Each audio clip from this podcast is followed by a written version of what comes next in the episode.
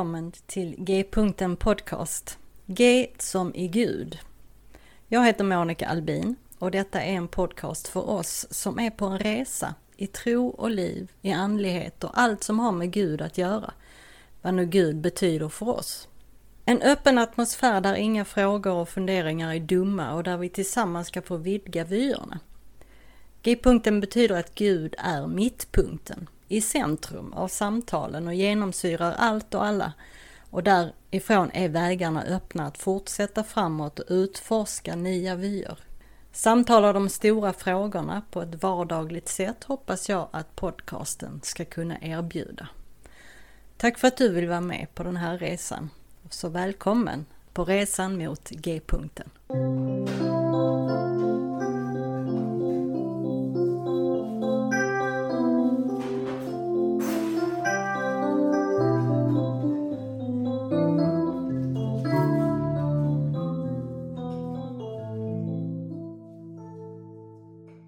Hej och välkommen tillbaka till G-punkten Podcast. Det här är säsong 5 som vi börjar idag.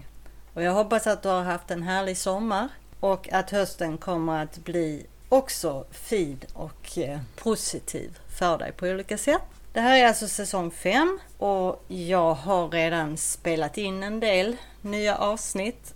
Eh, andra har jag planerade och eh, en del förfrågningar ut. Och jag tar gärna emot tips. Om ni har någon som ni skulle vilja eh, komma som gäst i min podcast eller om ni själv skulle vilja vara med och berätta någonting. Så eh, ta kontakt med mig. Skriv det under ett inlägg på eh, podcastens Facebook-sida eller skicka ett meddelande via Messenger på samma sida så ordnar vi det.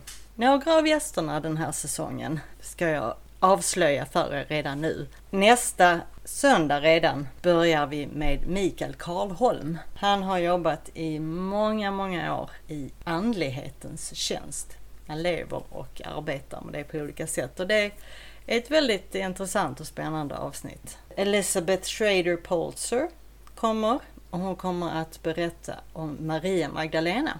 Och om ni vill ha lite förhandsinformation eh, om det så gå tillbaka till säsong, vilken det nu var. Det måste vara för ett år sedan ungefär. Och titta på den predikan som jag delar med mig där som heter Alla Marior. Och den är inspirerad just av hennes forskning. Sen kommer Tim Whittaker från The New Evangelicals. Och eh, jag ska inte avslöja mer nu. Vi har både svenska och engelska och kanske fler nationaliteter på gång. Mackan kommer säkerligen tillbaka också. Jag ska säga redan nu dock att den 10 i september så är det ingen podcast som släpps just den söndagen. Utan där får ni vara utan mig. Den här podcasten är ju en podcast för oss som är eh, på en resa i tro och liv. Och jag själv har ju varit och är just på en sådan resa sedan ett antal år tillbaka. Och nu har jag förflyttat mig en bit och äntligen tagit ett steg som känns alldeles helt rätt, som känns helt nödvändigt och väldigt läskigt. Det är ju sådär, man vet ju vad man har men inte vad man får. Men det är spännande och eh, ja, det är spännande att se vart det leder. Men när jag har pratat om det här så är det flera som har nämnt berättelsen om när Petrus går på vatten. Och det är klart, så känns det. Det gungar under fötterna och man vet inte riktigt om det ska hålla. Och så häromdagen så hörde jag en predikan av Nadja Boltz-Weber utifrån just den här berättelsen. Och jag tyckte den var så bra så jag skrev om den på svenska. Lite utifrån eh, mina egna upplevelser och en del av hennes. Så den vill jag dela med er här idag så här första avsnittet av säsongen. Så ha det så bra tills vi hörs igen. Och eh, här kommer nu då berättelsen av Nadja.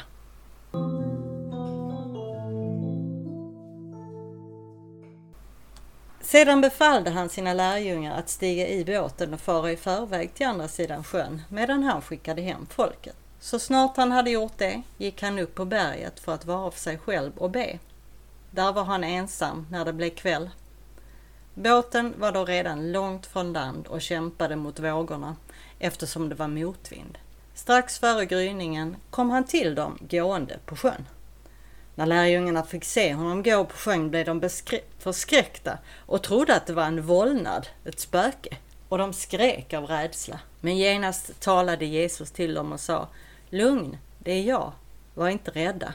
Petrus svarade Herre, om det är du, så säg åt mig att komma till dig på vattnet. Och han sa Kom! Och Petrus steg ur båten och gick på vattnet fram till Jesus. Men när han såg hur det blåste blev han rädd. Han började sjunka och ropade Herre, hjälp mig! Jesus sträckte genast ut handen och grep tag i honom. Du trosvage, sa han, varför tvivlade du? Så steg de i båten och vinden la sig. Och de som var i båten föll ner för honom och sa Du måste vara Guds son. Det här står i Matteus evangeliets 14 kapitel. Nyligen hörde jag talas om en ris riskkapitalist som gillar att finansiera projekt kring så kallad mänsklig potential.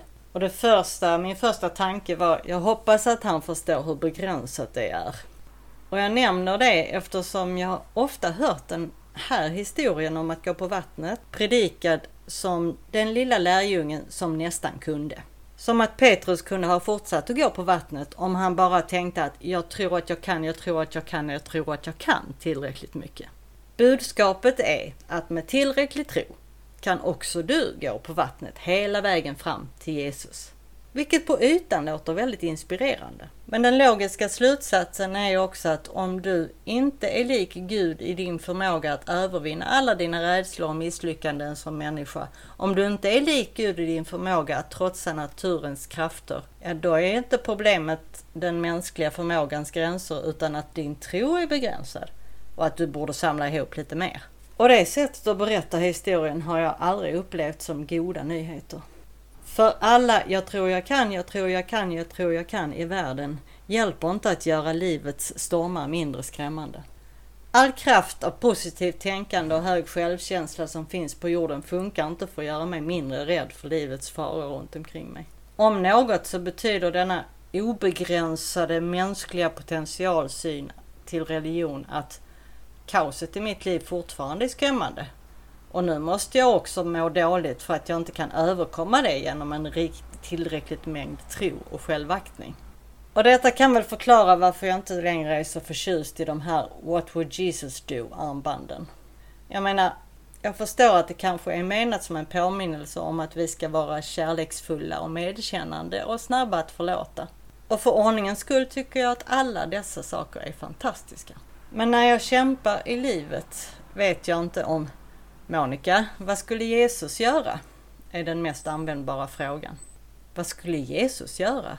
Tja, det vet jag. Något supercoolt som att uppväcka någon från de döda eller kasta ut demoner eller förvandla vatten till vin.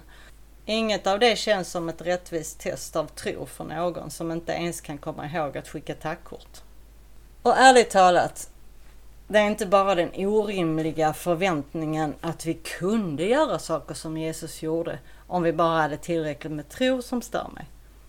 Det är också att när det tas för långt så leder What would Jesus do bara till en konstig form av ateism. Jag menar om vi verkligen bara kunde samla ihop tillräckligt vad som krävs för att göra vad Jesus gjorde så bety betyder inte det då att vi inte längre kommer behöva Jesus? Jag menar om du själv kan göra dig så Kristuslik kommer du aldrig mer att behöva helande. Barmhärtighet och förlåtelse kommer att vara saker som andra människor behöver men inte du. Men det låter inte som tro för mig. Det låter bara som arrogans. Det är kanske är därför jag är trött på predikningar om den här evangelietexten som känns som att jag blir tillsagd att bevisa min tro genom att kliva ut ur båten. Eller att på något sätt att gå på vattnet är hur verklig tro ser ut. Så den alternativa titeln för dagens predikan är Tre andra saker vi kan lära oss om Jesus som går på vattnet som inte är bara försök hårdare så att du kan göra vad Jesus gjorde och sedan grattis nu kan du gå och bli din egen frälsare. 1. Att göra saker svårare än de behöver vara är ett riktigt dumt sätt att bevisa att vi duger. En sak som liksom stack ut för mig den här veckan när jag läste den här historien är hur den dagen på sjön när lärjungarna var i en storm och de såg Jesus gå mot dem. Ingen bad Petrus att kliva ut ur båten och gå på vattnet som Jesus gjorde. Hans medlärjungar fick inte honom att göra det. Jesus kom inte på idén som ett sätt att testa Petrus tro. Petrus hittade på det helt själv. Så vet ni vad det var? Valfritt. Det är alldeles för många gånger i mitt liv som jag har antagit att det svåraste sättet att göra något är det bästa sättet att göra något. Men när jag gör saker svårare än vad de behöver vara så bevisar jag inte mig själv, jag straffar bara mig själv. Och jag försöker verkligen komma ihåg att det inte alls är samma sak. 2. Vad vi tror avgör vad vi ser. Jesus skickar ut lärjungarna i en båt och sen kommer det en fruktansvärd storm och vinden är emot dem och de är rädda. Om det var ett misslyckande från lärjungarnas sida tror jag inte att misslyckandet låg i att de upplevde en storm till sjöss som skrämmande. För, för kom igen, en storm till sjöss är verkligen skrämmande. Jag tror att deras misslyckande, inte olikt vårt, var att tro att om deras liv var i fara måste det betyda att Gud är långt borta. Deras misslyckande var att köpa lögnen att lugna vatten är det enda tillfredsställande beviset på Guds närvaro. En lögn som än idag kan hindra oss från att se att Jesus inte är långt borta, men som verkligen kommer emot oss i kaoset och säger Var lugn, jag är här, var inte rädd. När du är osäker, försök inte göra vad Jesus skulle göra. Försök komma ihåg vad Jesus redan har gjort. Nadja berättar att hon ofta kämpar med precis samma nedslående tanke varje gång hon försöker skriva en predikan. Och jag kan väl hålla med henne i mycket av det hon säger. Hon säger så här, jag önskar att jag kunde stå här och säga att jag bara litar på Herren hela tiden. Jag önskar att jag kunde säga att när jag ser tillbaka på hela min karriär i tjänsten minns jag hur trofast Gud har varit att alltid ge mig ett ord att predika och att komma ihåg att jag alltid har visshet. Men det är inte sant. Av någon anledning får jag nästan panik varje vecka, säker på att jag inte kommer ha något att säga. Så då tänker jag, ja bra, jag har gjort ett bra lopp men det är förmodligen över nu. Och sen kopplar Gud samman mig med någonting. Varje gång. Nästan som från ingenstans. Och plötsligt har jag det som jag behövde hela tiden. Allt jag behövt har jag fått ur din hand. Man kan ju tänka sig att jag borde komma ihåg det vid det här laget. Och jag nämner detta för att kanske är det så att när Jesus säger till Petrus, du trosvage, varför tvivlade du? Kanske handlade det inte alls om att Petrus inte kunde göra vad Jesus gjorde och gå på vattnet. Kanske handlade det om att Petrus och de andra lärjungarna inte kunde lita på vad Jesus redan hade gjort. Jag menar, tänk så här. Vem är det de hade sett bota de obotligt sjuka och driva ut varenda demon? Jesus. Vem är det som de redan hade sett stilla vindar och hav under en tidigare storm bara ett par kapitel innan? Jesus. Vem är det som de hade sett få se de lama gå och de blinda att se? Jesus. Vem är det de just hade sett ge mat åt 5000 människor med några fiskar och ett par bröd? Jesus. Vem var det de hade sett uppväcka en liten flicka från de döda? Jesus. Och vem är det som de tror kommer gående på vattnet mot dem när deras lilla båt blev piskad av en storm på havet? Spöke! Så vitt jag vet utfördes inte ett enda av dessa tidigare mirakel de hade bevittnat av ett jäkla spöke. Men sådana är vi. Vi är fruktansvärt glömska. Så om du undrar hur det ser ut att ha tro så ska du veta detta. Tro är inte att du gör det omöjliga. Det är att komma ihåg att Gud kan och har gjort och kommer att göra det omöjliga igen. Och att ha tro är att veta att Gud är Gud och att vi inte behöver vara det. Och att ha tro är att veta att det är bra. För historien har visat att vi skapar fruktansvärda gudar. Så det är vad jag vill säga till er idag när det kommer till Jesus som går på vattnet. Det finns inga trosprov. Inte riktigt. Du behöver inte göra saker svårare än vad de redan är. Du behöver inte gå på vattnet. Om livet stormar omkring dig behöver inte det betyda att Gud är långt borta. Det bara är så. Ibland är vindarna emot oss och livet är skrämmande. Ibland glömmer vi vad Gud har gjort. Ibland hör vi inte när Jesus säger Var lugn, det är jag. Var inte rädd. Ibland förväntar vi det värsta. Vi letar efter spöken och inte efter Gud. Ibland sjunker vi i det stormiga vattnet av våra egna misstag och missräkningar. Och ibland, ibland i allra sista stunden har vi tron som krävs för att bara ropa ut Herre, rädda oss. Och varje gång det händer, varje gång vi ropar på hjälp räcker Herren ut sin hand och fångar oss. Det finns inte någon form av självförtroende som du måste uppfylla innan dina andliga fördelar slår in. Du kan vara direkt slösaktig med dina böner om hjälp. För Gud tröttnar aldrig på att dra upp oss ur de gropar och gravar vi gräver åt oss själva. Gud tröttnar aldrig på att vara vår hjälp och vår räddning. Tröttnar aldrig på att komma oss till mötes i en storm. Amen.